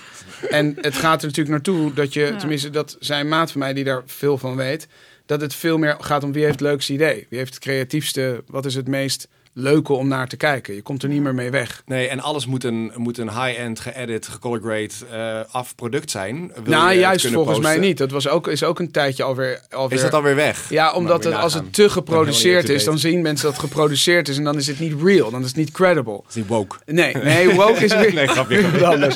Maar dat, dat, je, je wil zien van, oké, maar wat doe je dan echt? Ja, Weet je Ja. wel? ja. Nou, is dat, grappig dat, dat- is grappig. We rollen de hele tijd de stellingen in. Dat is Wat heel goed. leuk in Dat dit er gesprek. organisch in. Ehm, want eh, een, van de stellingen, een van de stellingen is... eh, social media following wordt steeds belangrijker binnen het castingproces. En dat is terecht. Stellingen. Terecht, terecht. Dat hele social media, ik ben er te oud voor. Nee, maar eh, ja, god, het is terecht. Nee, maar wat Is merken jullie daar nou ja, als het is agenten natuurlijk van? Kijk, eh, eh, als, als je heel veel followers hebt, mensen gaan er behoorlijk goed op. Want ja, het is natuurlijk, je bent heel populair dan, dus Ja. ja, het is belangrijk. Maar ehm, is het terecht? Ja, jullie werken, Nee. jullie werken allebei binnen de, de agentschappen eh, met, met acteurs die veel bekendheid hebben. Nog Ja. los van social media following. Gewoon vanuit de films, de series, de optredens, de, noem het maar op. Ehm, in hoeverre worden die vragen bij jullie ook gesteld? Van hey, hoeveel, hoeveel, eh, hoeveel K-followers of hoeveel... Die worden wel gesteld, maar niet in, nogmaals, in mijn, hè, omdat ik natuurlijk alleen de stemmen doe. Ik Ja. weet dat er Ja. wel om Nee, het speelt wordt. gewoon. Ik zou nog sterker Zeker. op onze nieuwe website staat het heel subtiel, maar staat het er bij de mensen waar het relevant voor is, mensen Ja. met 80.000 volgers of meer, Ja. daar staat het bij. Heel klein. Ja. Of Oh, het ja. terecht is, dan wordt het bijna een waardeoordeel. Terwijl ik denk dat gewoon, het is een tak van sport. Toen eh eh, Johan Nijhuis, Johan Nijhuis, toen hij begon met, eh, met Costa, zei iedereen van, oh wat belachelijk en onzin. Hij heeft gewoon de Baywatch in Nederland gebracht en dat was Costa. Ja. En daar was een markt voor bleek, want iedereen zat in de bioscoop. Nou ja, dus een, nieuwe, een nieuw genre film was geboren. En dat is met dit ook. Als je films hebt waar veel influencers in zitten, ja, is gewoon een ander genre film. Als ze Gijs Scholte gaan vragen voor een of andere influencerfilm, dan zegt Gijs. Nou, ik denk dat hij even nadenkt, maar ik denk dat hij Ja. dan zegt: nee, ga, ik, ga ik niet doen. Want dat is, past helemaal niet bij zijn tak van sport. Nee. Dus Nee. Terecht of niet, ja, het is gewoon eh, een industrie waar kennelijk markt voor is. En we maken wel amusementen of entertainment. Dus je maakt wel iets voor een volle zaal. Ik ken geen artiest die zegt, nou, ik vind het wel relaxed er gaan niet veel mensen in de zaal zitten. Van de helft, laten we het Ja, laat gewoon de helft. We wachten dinsdag even af. ja, hè? precies. Dat Ja, komt precies. Nou, we kunnen er zo weer middenin zitten straks. Nou ja, dus Maar, niet eigenlijk. maar daarom is het dus eh, voor, en voor mensen die daar hard aan werken om veel following te krijgen. eh, ja, daar is misschien wel terecht voor dat die, die krijgen dus ook meer business. Het gebeurt ook. Alleen de aanbiedingen die daarvoor binnenkomen zijn niet altijd passend bij de acteur. Want bijna alle acteurs die een grote following hebben, doen dat nog steeds erbij. Want die zijn niet influencer, die zijn acteur. Ja. Die hebben alleen een hele leuke social following waar je wat centjes mee kan verdienen. En als je inderdaad eh, groot genoeg bent, dan kan je iemand inhuren Ja. die dat voor je doet. Ja. Want dan mag het ook iets minder persoonlijk zijn. Want Ja. dan moet die, bijvoorbeeld Carice moet ook weer niet te benaderbaar zijn, bij wijze van spreken. Die Ik moet noem niet maar naam. online Ja. zetten. Nee, nee dat zou Dat op zich voor haar niet. dan wel weer misschien leuk zijn. Nee, Nee, maar ik bedoel, van die hele bekende mensen, daar, Ja. kunnen, daar kan, kunnen mensen helpen. Ik denk dat bij Chantal Jansen, dat weet ik niet. Maar Chantal heeft echt goede, goede social Ja. ritme. Maar die Dat- doet dat zelf, toch? Ja, Die maar ik kan me, wel dingen en ja, maar kan me niet voorstellen dat er niet. Zij heeft wel productie om zich heen. Als er even iets geëdit moet worden, dan belt zij waarschijnlijk gewoon even iemand van edit dat even. Alleen zij doet dat dus heel goed, want iedereen denkt dat, ze het allemaal zelf doet. Ik weet niet of ze het allemaal zelf doet, Hm. maar ik kan me voorstellen dat ze dus 70% zelf doet en dat voor 30% een klein beetje dingen geproduceerd worden voor haar. Ja. Net even, dat, dat wordt dan gestuurd van, joh, ik post wel even dat tijdschrift ding. En zij lardeert dat met die hele leuke persoonlijke dingen. Ja. Daarom, wij op kantoor nemen haar vaak als voorbeeld van... zo, zo werkt hij goed. Ja, Het werkt gewoon. absoluut. Eens. Ja. Oké, nog een stelling. Ehm, een her- ben je er klaar mee? een herkenbaar geluid is een zegen. En dit is meer voice-over, denk ik wel een voice-over-achtige vraag. Eh, dat kan een eh, zegen zijn. Kan ook geen zegen zijn. Dat is de ja, vraag? Ja, Dat dat, is is de de vraag. vraag. Ja, nee, maar kijk, als ik mezelf bijvoorbeeld even neem. Ja, mijn st- ik kan niet alles, want ik spreek ook dingen in. ja. Ik kan niet alles inspreken, niet elk product. Ik heb gewoon, ja, kijk, je zou mij als vaste stem ergens voor kunnen casten. Heel fijn, maar ik kan niet alles doen. ja. Dus of het een zegen is. Ik denk in voice-overland is het. kan je meer geld verdienen, denk ik, als je van alles kan. Dat denk ik. Het is ook geen zegen als je bijvoorbeeld eh, in de slager staat en iemand staat achterin en die herkent je stem en je denkt, oh nee. niet. Weet je, dat Oh, heb ja. ik ook vaak Ja? gehad. Dus, maar ja, Ja. Nee, maar bijvoorbeeld zo'n stem als Frank Lammers. ja. Ja, die haal je overal tussenuit. Ja, die. Ik, vind het, ik vind het bij jou, die is herkenbaar. Maar, ik bedoel, bij wijze van spreken een Henriette Tol. Zou je, als je het niet weet, kan je er nog wel... Er zijn Ja, nog wel ja, wat stemmen. ja, ja, ja. Henriette, Vonne, Wimmy. Ja, Wim die is nog lager. Die is wel echt Ja, maar laag. als we moeten kasten in, in jouw stem, klankkleur, dan Zijn dat de stemmen? Ja. dat de stem. Maar eh, bijvoorbeeld bij jou ook. Jij hebt ook een heel eigen geluid. Ja. Een heel herkenbaar geluid. Ja, het is grappig. Ja, ik, ik, want ik denk altijd als ik naar de radio luister... Nou ja, ik denk, vind hem niet super herkenbaar. Oh, Zelf. Oh, ja, dat heb ik. Ja, Ja. maar Ik Mensen, zeggen, mensen mensen zijn- zeggen tegen mij, zo hoor veel werken. Ik, zeg, ja, Grappig.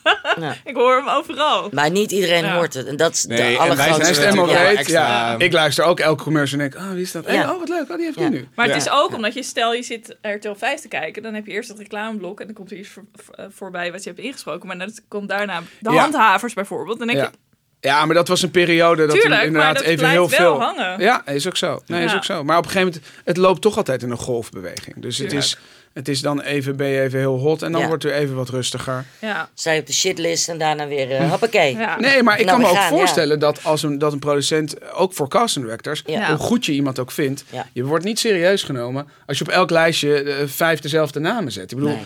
al, al zijn ze geschikt. Ja, en to- toch is het de andere kant van de medaille. Soms stel je, nou laten we zeggen, vier eh, aanstormend talent voor. En nummer vijf heeft een herkenbaar geluid, heeft eerder iets gedaan. Durf ik er wel mijn geld op in te zetten dat ze voor Ja? de... Hm. En dan is het niet per se omdat het een naam is, maar omdat ze denken: Oh, ja, dat is een fijne stem, die heb ik eerder gehoord. Oh ja, dat is wel vertrouwd. Is de referentie daar meteen. Ja, dat helpt Het is ook associatie. Ja, ik heb meer werk gekregen doordat ik in shared ben in gaan spreken. Ja. Wat heel grappig is. We all. Benefit. Precies. Oké, maar daar past ook weer een dilemma leuk bij wat we hebben. Dus we gaan even weg van de stelling, maar daar. Dilemma. Ja. Ehm, fantastisch stemgeluid, belabberde techniek. Of een draak van een stem, maar fantastische techniek. Oh, nou ja, nummer één natuurlijk. Nummer 1. Nummer één. Nummer Dus- één, ik zeg één. Fantastisch stemgeluid, belabberde techniek. techniek. Ja. Ja, daar sluit ik me toch wel bij aan. Dat, Ja. is, dat is kloten voor de Weet je dat? engineer. Ja, Ja. Omdat die dan, eh, de, de techneut die dan alles maar moet gaan regelen. En de En de regisseur. regisseur ook vaak. Precies. Ja. Ja. Ja, ja, ja. En dat wordt een heel lang uur. ja. Ja.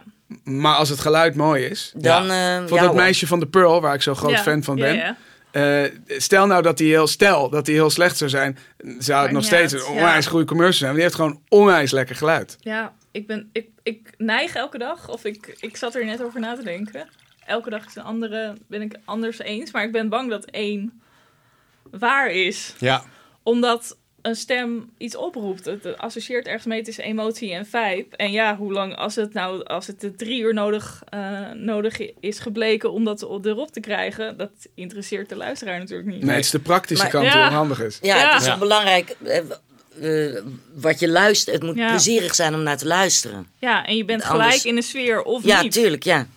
Maar jij vindt twee, Florence. Nee, nee, ik ben Oh. het helemaal met jullie eens. Maar het is Goed gewoon heel interessant. Ja. Het is gewoon heel interessant om, eh, om, eh, om die eh, tegenstelling te horen. Want het is wel een moeilijke. Ja. Techniek is namelijk ook zo ontzettend belangrijk. Het kan wel zijn dat ze op want- een gegeven moment denken... ja, jee, we moeten elke keer we moeten gewoon een halve dag eh, hè, de studio uitboeken... voor die ene radiocommercial. Dat, Ja. Het loopt gewoon de pan uit qua kosten. Ja, dat denk ik ook. Ik denk dat het geen houdbaar ding is. Dus als Alleen, iemand er echt niet techniek heeft, dan word je op een gegeven moment niet meer gevraagd. Nee. Oké, we gaan. eh, dan eh, eh, wil ik nog een dilemma erin gooien. Als je stem, eh, sorry, als stem je bemoeien met het script met risico dat je klant je vervelend vindt, of doen wat je gezegd wordt, wetende dat het niet klopt, al dan niet grammaticaal of creatief. Ja, dat ligt er helemaal aan wat het, wat het is. Ja. Ik- ja, god. Je krijgt een tekst voor je. Je ziet, of die, die, die zin die klopt al niet. Ja. Meestal het probleem is ook heel vaak dat het te lang is. En dan zit je in zo'n studio. We dan hebben moet het- 10 seconden. Ja. Dat is een heel Eh, A4'tje maar dit is Of zes. 25. Ja. Ja. Ja, nou, dat, maar maak je dat als je stem, ga je dan dan zeg je, ja, maar dit Ja, klopt helemaal niet. En ik dan wel. zegt die copyright, ja. Ja, ik, Maar je, het- je moet hem... Het is een Maar jij bent een geprokt en gemazeld, hè? Dus dat, ik bedoel ja, maar het zelf- zit hem ook Ja. in communicatie. Ja. Ja. Ik kan ook daar vaak niet mijn mond over houden. Maar ik, wat ik wel vaak doe, is ik doe hem... eh, ik zeg dan van... Oh, hij, is, hij is wel wat lang. Ik zeg maar, ik ga hem wel even doen. En dan doe ik hem. Oh, ja. En dan zeggen ze, ja, dit was 45 seconden. Ik zeg, dat snap ik. Ik zeg, weet je wat doen? Ik doe hem een keer in 20 seconden. Ja. Ik denk dat dat te snel is. Kijken wat Dan heb je het even gehoord. Ja. Ja, en dan doe ik hem 20 seconden. En dan zeggen ze, oh, is Ja. nog best verstaanbaar. Maar ja, het is wel een beetje gaast. En dan meestal druppelt hij. En de engineer helpt daar ook Ja. vaak heel erg fijn in. Ja. Ja. Die zegt, ja jongens, ik krijg dit... pff, wordt lastig. En dan weet zo'n klant ook van, ah ja, kan echt niet. Ja, en zo, maar dat, dat, het moet inderdaad een beetje subtiel. Ja. Ook omdat daar vaak ook iemand in de ruimte zit... Die is afgezwommen op die tekst. Zeker, Heeft ja. waarschijnlijk vijf keer is dat teruggegaan naar de klant. En weet je, Ja, want dus je die kan, zit inderdaad ook weer vast aan. ja, al Ja, deze want de klant heeft gezegd, ja, maar de, legal wil graag dat zinnetje Ja. erin. En, moet en, erin. en dat moet Ja. erin in de boodschap. We willen Maar graag er moeten de- ook nog drie producten, maar er moet wel tegelijkertijd vermeld worden hoeveel milliliter en hoeveel Ja, eh, precies centiliter. Want dat. anders kan de klant nog komen met en dan deze aanbieding. Ja, maar ik wil dit pak hebben. Ja. En dan zeg Ja. maar de grootste variant. Ja, Juist, Die ja. geldt niet in de aanbieding. Nou, en omdat, Ja. omdat je daar, ik vind ook dat iedereen daarin gezien moet worden. Probeer ik het altijd, je, inderdaad, je moet het zeggen. Je gaat niet, dat, dat ga je gewoon niet doen. Je Je gaat als niet het een gewoon, beetje van... Maar ik, snap ja, dat ja. jullie dat doen, maar stel je, dit is je tweede klus. Nou, bek houden en doen. Ja. Nou ja, nee, dat nee, want doe dan ik- kan je dat ja, niet nee, verkopen. Nee, dit, nee. Krijg je niet aan de klant verkocht, want je bent net begonnen. Nee, maar Nee, vaak zit je daar waarschijnlijk dus- ook nog heel zenuwachtig En je te kan, nou, maar je kan altijd, denk, kijk, dat zeggen, dat is allemaal leuk. Maar je kan altijd een vraag stellen. Ja, Of een suggestie doen. Dus eh, dat is natuurlijk altijd En, en het ik beste denk dat, ik, dat weet ik niet, dus een aanname. Ik denk dat je niet altijd weet wie er nou precies. Hi, ik ben Karel, ik ben Kees. En zitten er drie man, maar Ja. wie Karel, Kees en eh Maar dat Yvonne maakt niet uit. Je moet ze heeft. allemaal met respect behandelen. Nee, nee, sowieso. Iedereen, maar hè? ik, ja. Maar ik denk Ja. ook dat het belangrijk is dat je in dat eerste kwartier er iets opzet. Waardoor Ja. iedereen. Ik heb een keer zat ik bij eh, een andere studio. Ja. En die hadden, een, die hadden denk ik. Ik denk dat het of acht of tien man was die er waren. Het was echt iedereen. Maar- En ik was een van mijn ja, eerste klussen of zo. Dat was Ja. in het eerste jaar. Ja, dan ga je gewoon, weet je, iemand zei, eh Oren, eh, kan je, kan je als zeggen? Je zegt nu als, maar kan je als zeggen? Ja. Ja, ja, prima. Ik zeg wel als. Ja. En dan ging weer iemand anders zeggen, ja, het is leuk. Maar de als, ik vind dat de als wel heel erg wegvalt nu. Ja, ja, ja, Zo'n discussie. Ja, ja. Maar ja, weet je, het was het begin. En dan, ik denk, als je in het eerste kwartier er wat zinnigs op hebt gezet. En iedereen is een beetje gerust van, oké, dit gaat wel goed komen. Ja. Dan inderdaad wat Natasja zegt, Ja. vind ik een hele goeie. Je mag altijd dan gewoon zeggen, jongens, mag ik wat vragen? Zou ik hem ook zo mogen doen. Ja. En maar soms dan, hebben ze er niet eens over nagedacht. Nee. Oh, doe eens dan. ja. Of wat ook vaak zo is van ja, tekst is niet zo leuk, maar eh, daarom hebben we jou eh gecast. Doe eens grappig. Jij Ja. moet hem even. Ja. En Leuk, nu even doen alsof je blond bent. Wauw. Ja, ja, ja, die heb ik ook nee. gehad. Ja, ja, ja.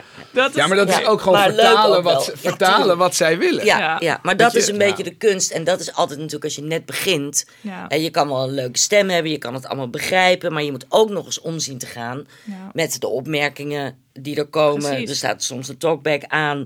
En dan zegt ineens iemand van... Jezus, eh, god, wat een, wat een grafstem eigenlijk. eh, die. Nou ja, Ja. Weet Ja, ik veel. dat Maar dat is heel lullig. Dat, Ja, dat, en dan de engineer moet toch dan een beetje... En andersom, je moet er dus ook te- te- tegen Ja. kunnen dat het talkback uitstaat. Dus dan hoor je dus niet wat er in Nee. de studio Nee. gezegd Nee. wordt. Nee. En dan zie je gewoon tien minuten mensen En allemaal soms is over dat jou wel praten. beter natuurlijk ook. Dat hè, is want beter, maar Ja, je terwijl denkt ik vind het qua etiketten altijd wel heel netjes. Ik ook. Als het Als het, aanstaat. en ik moet zeggen, in de meeste studio's waar ik kom, is dat ook het geval. Ja. Als het niet zo is, denk ik altijd, nou, dan wacht ik ook. Maar dan gaat hij dan weer aan en zegt ze, eh, is dat goed? Nee. Ja, ja, ja. Ik, sorry, ik Ja, heb, niet, het ik heb de afgelopen ja. vijf minuten niet gehoord. Nee. Oh, sorry. En dan, Oh, wauw. ja. Terwijl je anders al mee had kunnen zitten schrijven. Ja. ja. ja. Ja, dat kan dus niet altijd meer, want iedereen doet nu eh, veel dingen op scherm. Dus Ja. dan moet je het toch een beetje onthouden wat je... Ja. Terwijl ik heb altijd zo'n soort half steno wat ik op alle Ja. Oh, woorden ik kan ook. zetten. Ja. En streepjes waar Ja. je accenten En moet puntjes. zetten. Of nee, dit hoort. niet Oh, je slaat meer. iets over. Ja. ja. Maar ik vind het toch blij- blijft lastig om dan dat door te strepen. Daar zo, oké, dan, dan zo. En dan als een lange tekst. Hè, Ja, nee, zeker na, de, na een half uur. Niet zo fijn. Ja, precies. Maar ja, goed. Oké, ehm, nog een dilemma. En deze is ook wel heel specifiek, eh, kan het per klus, klus verschillen, maar laten we proberen hem hem breed te benaderen. Je moet een long-term klant opzeggen, bijvoorbeeld voor een van je cliënten, voor een project met totale exclusiviteit waarvan je de duur niet zeker weet. Wat adviseer je je cliënt? Ik zou eh, totale exclusiviteit is prijzig. Is Nogal. mijn, eh, is mijn devies. Dus als men dat echt wil, zeker in deze tijd, waarin er gewoon ja, veel wisselingen zijn en relatief korte campagnes, dan moet daar wel echt een heel serieus bedrag voor staan. En ik vind dat als je een vaste klant hebt, als je daar tien jaar mee zou werken, dan gaan we sowieso even een kop koffie drinken met die klant. Om uit te leggen dat er een opportunity zich heeft aangediend. Zodat we met de klant kunnen bespreken. Hoe ziet jullie toekomst eruit? Want wellicht zegt die, zegt die klant, nou dat is prima, want wij gaan toch afronden in de zomer. Ja. Doe Oh, maar. ja. Zodat, goeie. zodat je met iedereen een klein beetje weet hoe ze in de wedstrijd zitten. En op basis van al die data ga je dan een, afsp- ga je dan een gesprek aan. Want als die vaste klant zegt, je luister, bijvoorbeeld die jongen die Renault doet. We willen gewoon nog tien jaar door. Ja. Ja. dan moet die exclusiviteit wel zo veel geld opbrengen. En dat doet het gewoon bijna nooit. Want Nee, nee. bedrijven die exclusiviteit willen, weten helemaal niet wat ze vragen. Nee. Dat kost je gewoon 2,5 ton. Ja, vind Ja. ik wel heel duur. Ja, moet je ook niet vragen. Maar die, hij kan niet meer is- dat of dat doen. Nee. Ik bedoel, ja, het zijn... Ja, En het is- vaak is het eigenlijk niet eens echt nodig. In heel Daarom. veel gevallen. Branche-exclusiviteit. Dat wel. En je, doet, en je gaat heel veel uitingen met elkaar Ja. doen. Dat is een ander verhaal. Ja. De meeste partijen, ik bedoel, zelfs automerken, die hebben dan weet ik veel, zes, hooguit tien uitingen. Kijk, Ja. als jij voor, de, voor een supermarktketen de audio doet, de online, de radio, de televisie. Ja. En ze zeggen, vind het wel lastig als je voor de Albert Heijn ook werkt. Ja, weet je, die exclusiviteit is Ja. helder. Ja. Ja, maar die, is- ja, ja. Die, is, die levert veel geld op, Ja. veel exposure, veel draaidagen, veel sessies. Nou, dan is er, dat is een gesprek. Ja, Ja. Maar nou goed, wat ik net zei, dat vind ik. interessant. Mooi. Ja, ja, ja, ja. Maar ik vind, ja, helemaal wederom. Eens. Ja. God, wat kan ik zeggen? Nee, Dit joh, is het- hetzelfde. Ja, Zeker. Nou, we kunnen nog uren doorpraten, maar ik wil afsluiten met één eh, stelling. Dat is ook de laatste die wij op ons lijstje hebben. stelling, wat leuk. Een stelling. Ach, Voor de verandering ja. even. Maar de stellingen zijn wel leuk. Die brengen wel wat teweeg. Eh casten puur op naam is een legitieme manier om te casten. Dit is een podcast, hè, Tas? Ja, ik vind moet het ik- wel, moet ik vind het wel legitiem. eh, Het is wel legitiem, maar wederom weer, andere tak van sport. Ja, andere tak van Verwacht sport. dan niet eh, een film à la De Aanslag of verwacht dan niet een, een epic classic film. Per se. Kan wel gebeuren. Maar ik vind, als jij op naam wil casten, by all means. Waarom zou dat... Doe het. Ja, Ja. lekker doen. Het, het vervelende is namelijk, dat gebeurt al. Ja. Ja, dat Ja, is gewoon... Ja, De- als, jij, als jij producent bent en jij moet weet ik wel een paar miljoen in een serie gaan stoppen.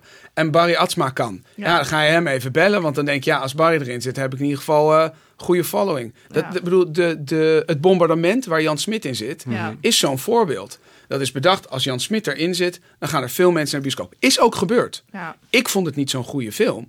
Alleen, kennelijk waren er heel veel mensen die het leuk vonden om Jan Smit in zo'n film te zien. Ja. Die Ja. best wel epic was, met veel eh, special effects. Ja, legitiem. Ja, why the hell not? Nou ja, kijk, en als je dan weer hebt over de stemmen. Hè, er zijn natuurlijk ook Mm. mensen die denken van... eh, bureaus, die zitten zo'n beetje te denken op die tekst. Van, ja, ja, nee, daar willen we een lekker wijf voor hebben. Oh, dat Ja. zie je ook zo goed Ja. op de radio. Ja, ja, nee, maar weet je Nee, dat... maar die dat willen in dan studio, diegene in die studio en diegene ontmoeten. En dat, dus dat gebeurt tenminste, Oh, dat zeker. is gebeurd Die, sowieso in mijn Zeker. studiotijd eh, in, in de Zeker. keuken. Oh is ja, dat, die komt. ja. Er zit er op, nou, over Barry. Wij hadden eh, op onze oude locatie. Ik weet niet wat hij kwam inspreken. En I love Barry, hij is gewoon super cool. Maar er stonden zeven vrouwen. Echt waar? Nee. Het was gewoon een uitje. Het was gewoon een Nou ja, uitje. dat bedoel ik, maar ja. het was een soort, eh, nou ja, een soort Ja. artist. Als in we komen naar Barry kijken. Of het zijn de opnames van Barry ook allemaal gekapt en gegriemd. Dat Ja. je denkt, ja jongens, het is... En hij gaat daar super tof mee om. Maar ik, Ja. ik vind het heel gênant. Nee, maar het, ge- het gebeurt dus. Het en, ik, gebeurt, en, en legitiem, ik weet niet of het de, zeg maar, ik weet niet of het de beste manier is van casten. Ja. Ik denk het niet. Je Ja, moet gewoon de right man voor de ik job bedoel, vinden. sowieso moet het, zo, er moeten namen in. Ik bedoel, kijk Ja. naar bijvoorbeeld eh, eh, Disney-films. Eh, ze casten op namen. Het is Ja. echt, ik wil echt Ja. heel vaak andere eh, acteurs erin gooien. Maar nee, nee, nee, nee. We willen Je Vetja hebt gewoon een Ja. en we posternaam. Jacob. En Ja. ja, dat Terwijl je is... zou denken dat zeker Disney ook wel verkoopt op het feit dat het Disney is. Ja, maar dit is gewoon een, Nee, een maar- systeem. Ik denk dat het ook wel klopt. Kijk, die originele eh, worden stemmen worden ook zo gecast. Ja, Ja. Weet je, als Beyoncé iets kan inspreken, Oh ja. dan gaan we met z'n allen naar de bios. Want Ja. dat willen we wel horen. Terwijl ik zou denken dat bij iets als The Lion King dat niet echt per se nodig zou zijn. Ja, maar ik denk dat Disney zeg maar altijd dubbel dwars eroverheen 400% gaat. Dus dat is, Ja, dat is en het moet goed zijn. En de beste muziek. En de grootste stemmen. En de dikste marketing. Ja. Gewoon helemaal vol erop. Alles, alles, Ja, kijk, en als het dan gaat over, over ehm, eh, stemacteren voor zo'n soort film. Als je kijkt naar iets als Shrek, daar hebben ze inderdaad ook Mike Myers en, en, eh, en Cameron Diaz opgezet op de hoofdrollen. Heel veel van wat zij in mimiek doen, wordt meegenomen in de animatie. daar wordt Dus op daarom geanimeerd. staat het Ja, ook zo ja. ontzettend... Nou, Ja. Robin Williams in Aladdin, dat Ja. doet hem Dat toch is- helemaal niemand na. Nee, Ja. nee, maar dat is wat er daar natuurlijk gebeurt. En in Nederland wordt er dan gedubt en er wordt bijna niet, bijna niet geanimeerd op die manier. Helemaal in het beginnen met eh, de acteur. Maar, geld, hè, ook een dingetje. En het, daar begint, het begint in Amerika. Ja, En, eh, Ja. ja. en dan, dan doen wij de, de... Nou ja, en grote namen zijn in Nederland nog steeds voor een Disney eh, super betaalbaar. Hè? Ik Ja. Ja, bedoel, Nederland is een mega klein land. Dus ik bedoel, het moet gewoon even gebeuren. ja, er wordt En dan geen is het- eh 2 miljoen neergetikt Nee. voor... eh, nee, De mensen krijgen gewoon, ze krijgen gewoon een prima uurfee. Ik bedoel, de mensen zijn niet zielig. nee. Maar dit is niet, dat zijn niet de bedragen die je in Amerika vangt. nee, nee, nee, zeker niet. De afzet is zo kleiner. Oké, voordat wij eh, naar de koffiebroodjes gaan die jij hebt mee. Ja, oh, lekker ja. jongen. En taart. Willen wij, eh, we moet- jullie moeten eigenlijk zorgen dat je gesponsord wordt door Forniel. Dan zit je Ja. gewoon helemaal goed. Ja. Forniel. Oh, Voor beste Neil. Kun jij even een... de eh, lekkerste bakker van Nederland. Ja. nou, dankjewel. De willen wij, lekkerste met ons- Franse bakker van Nederland. Zeker. Oh. De lekkerste Franse bakker van De Nederland. Willen we afsluiten met een, een vast item, itempje wat we hebben. En dat mag gewoon een kort antwoord zijn, maar we zijn gewoon heel benieuwd. Eh, welke productie, film, serie, toneelstuk, musical vind je nou perfect gecast en waarom?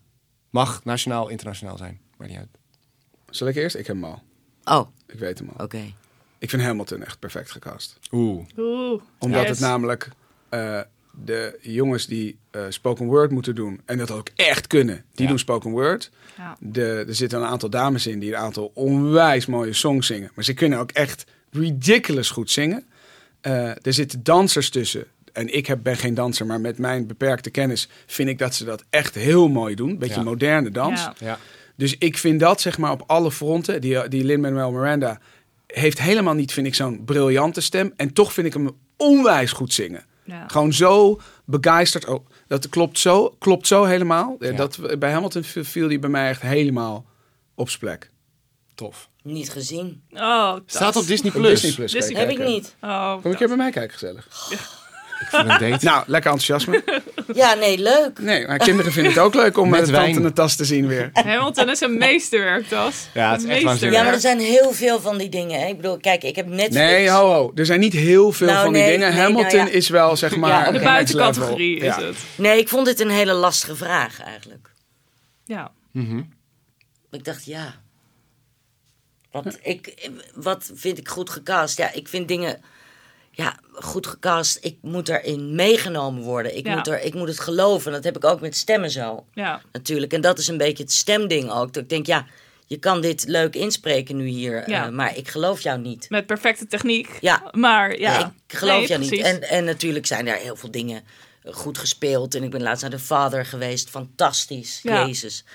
Nou, dat kan Maar- een voorbeeld toch zijn? Ja, nou is, ja, eh, dat is dan... Ja, want- eh, want- Olivia Colman en eh, Zo. ehm, Anthony Hopkins. Anthony Hopkins, ja. Jezus, die man is echt een legend gewoon. Ja. Ik dacht, dit moet ik gewoon ook in de bioscoop zien. Ja. Ja. Ik zat op zondagochtend in de bioscoop met vier andere mensen in Tuschinski. Oh, heerlijk. Ja. ja. Vier andere mensen, Terwijl- hè, dan, ja, maar echt, bioscopen vind ik lastig. Mensen met popcorn, geëmmer allemaal. Dat Ja. is nu allemaal gelukkig Ruis. minder. Maar het is heerlijk om dan eindelijk zoiets te zien. Zoiets Ja. goeds te zien op een eh, ja, groot scherm. En, ja, Ja. dat was heerlijk was het. Niet gaan huilen nu, dan wordt het heel Ja, emotioneel. precies. Dit was de afsluiting. Ja, precies. Wil jij, de jouwe, wil jij de jouwe ook nog toevoegen? Ehm, Gaan wij wekelijks ook een andere moeten kiezen? volgens mij zat je erin, Tas, dat ik me net heb denken. Maar wat ik heel goed gecast vind, is Gooise Vrouwen. Ah, I love Gooise Vrouwen. Het is... ehm, er zitten sowieso hele goede... Uiteraard dus goede acteurs in. Maar zij... En met name Annette Malherbe als, als Willemijn Lodewijks. Oh mijn god. wat grappig. Fantastisch. Ja. Ja. En Peter Paul als Marty Moriro. Ik, ja, ik weet niet. Het zit gewoon echt goed in elkaar. Er is echt over nagedacht. Ze spelen natuurlijk allemaal best wel nou ja, geen clichématige, maar toch ook wel weer clichématige types. Maar niet over de top. Ik vind het, ik, ja, ik vind het een briljante Nog steeds serie. briljant. Nog steeds lang, briljant. eh, Want het, sta, het staat Ja. weer op eh, Videoland. Dus het is weer een... heb ik ook niet. Ah, nee, ja, Zij is geabonneerd op allemaal podcast-platforms. Ja, oh. eh, Ja, hallo. deze binnenkort tussen te staan, jongens. Nou, voor mij is het denk ik eh, de, de originele Broadway cast van Spring Awakening. Dat vond ik eh, zo waanzinnig tof. En ook Ja. die zijn zo, zo lang geleden al op hele jonge leeftijd off-Broadway begonnen. En daar is wel wat wisseling geweest, maar de meeste daarvan zijn gewoon meegegroeid in het stuk, hoe het, hoe het stuk zich ontwikkelde. En daar, dat was zo... Ik heb het niet eens live gezien. Ik heb het echt op een hele crappy opname op YouTube gezien destijds. En ik heb alleen maar zitten janken, zo mooi Ja, vond waar? ik het. Ja. Gewoon achter mijn bureautje zo. Alleen, maar- ik vond het zo waanzinnig. Dat is, eh, dat, ja, dat, dat, dat. En ik had heel graag ehm, in eh, Engeland eh Sun in the Park with George willen zien met Ja. Annalie Ashford en, eh, en Jake Jake, Gyllenhaal. Want die schijnen echt het ook. Dat zou je bij Jake Gyllenhaal niet per se verwachten, maar die man schijnt dus briljant te kunnen zingen ook. Ja, maar dat is met die Amerikanen toch altijd. Ja. Die, dan worden ze bekend in een of andere film. Kunnen ze alles. je, oh, het zijn Kunnen dus vechtersbazen en dan staan ze bezig weer in een Ja. musical. En dus Ja. dansen. Ja, dat kunnen ze ook allemaal. En dat Hugh kan Jackman. dansen. zonder oordeel. Dat Ja. is Ja. ook nog. Oh, Ja, dat is wel echt een probleem in Nederland, Ja. vind ik hoor. Dat als je in een musical hebt gezeten, dan heb je, is je zijn, cv bevlekt en dan mag je niks meer doen. Dat is Ja. zoiets raars. Ja. Maar goed, dat is een heel, voor een andere, Andere. voor een ander moment. Andere podcast. Ik ga eh, jullie bedanken, denk ik. Ja, Jij bedankt, Flo. nou jij bedankt Ja. En jullie vooral bedankt. Heel fijn dat jullie bij de eerste, de eerste aflevering wilden zijn. Ja. Ja, ja. Gezellig. En ik hoop eh, dat eh, de luisteraars er eh, ook van eh, genieten. Precies, tot de volgende. En eh, ja, pak ze maar. ASMR. Ja, precies. We gaan nu over naar het stukje ASMR. Koffiebroodjes. Papieren zakje. Oké. Nee, hey, dank jullie wel allemaal eh, voor het luisteren. En dank jullie wel voor eh, het aanwezig zijn en jullie mooie gesprekken en jullie kennis. En ehm, tot eh, de volgende podcast. You. Deze podcast werd mede mogelijk gemaakt door Post Office Amsterdam. Let op, dit is geen postkantoor, maar de creative production studio van Amsterdam. De